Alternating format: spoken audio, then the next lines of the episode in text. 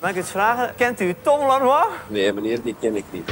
Ja, wie is dat nu echt, die Tom Lanois? Ah, je kent me niet! Ondankbare honden! Ik bedoel niet alleen als schrijver, maar ook als mens. Ik was het jongen op de eerste rij. Ik vraag het in deze podcast aan Tom zelf Ik weet het, ik weet het. Mis, mis, mis. en aan de mensen die hem het beste kennen. Het is een eer om een vriend te hebben zoals Tom Lanois. Tom is lief, hè. Ja, Tom is mijn maat. Een lieve man. Wij kunnen heel goed lachen samen.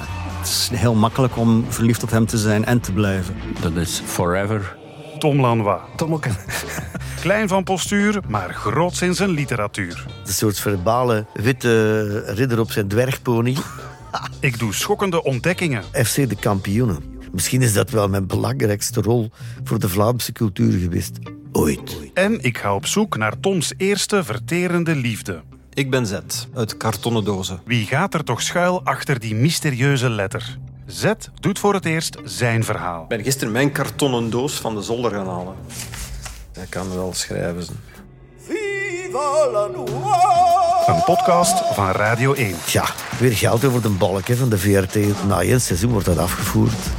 Viva Lanois! rocker.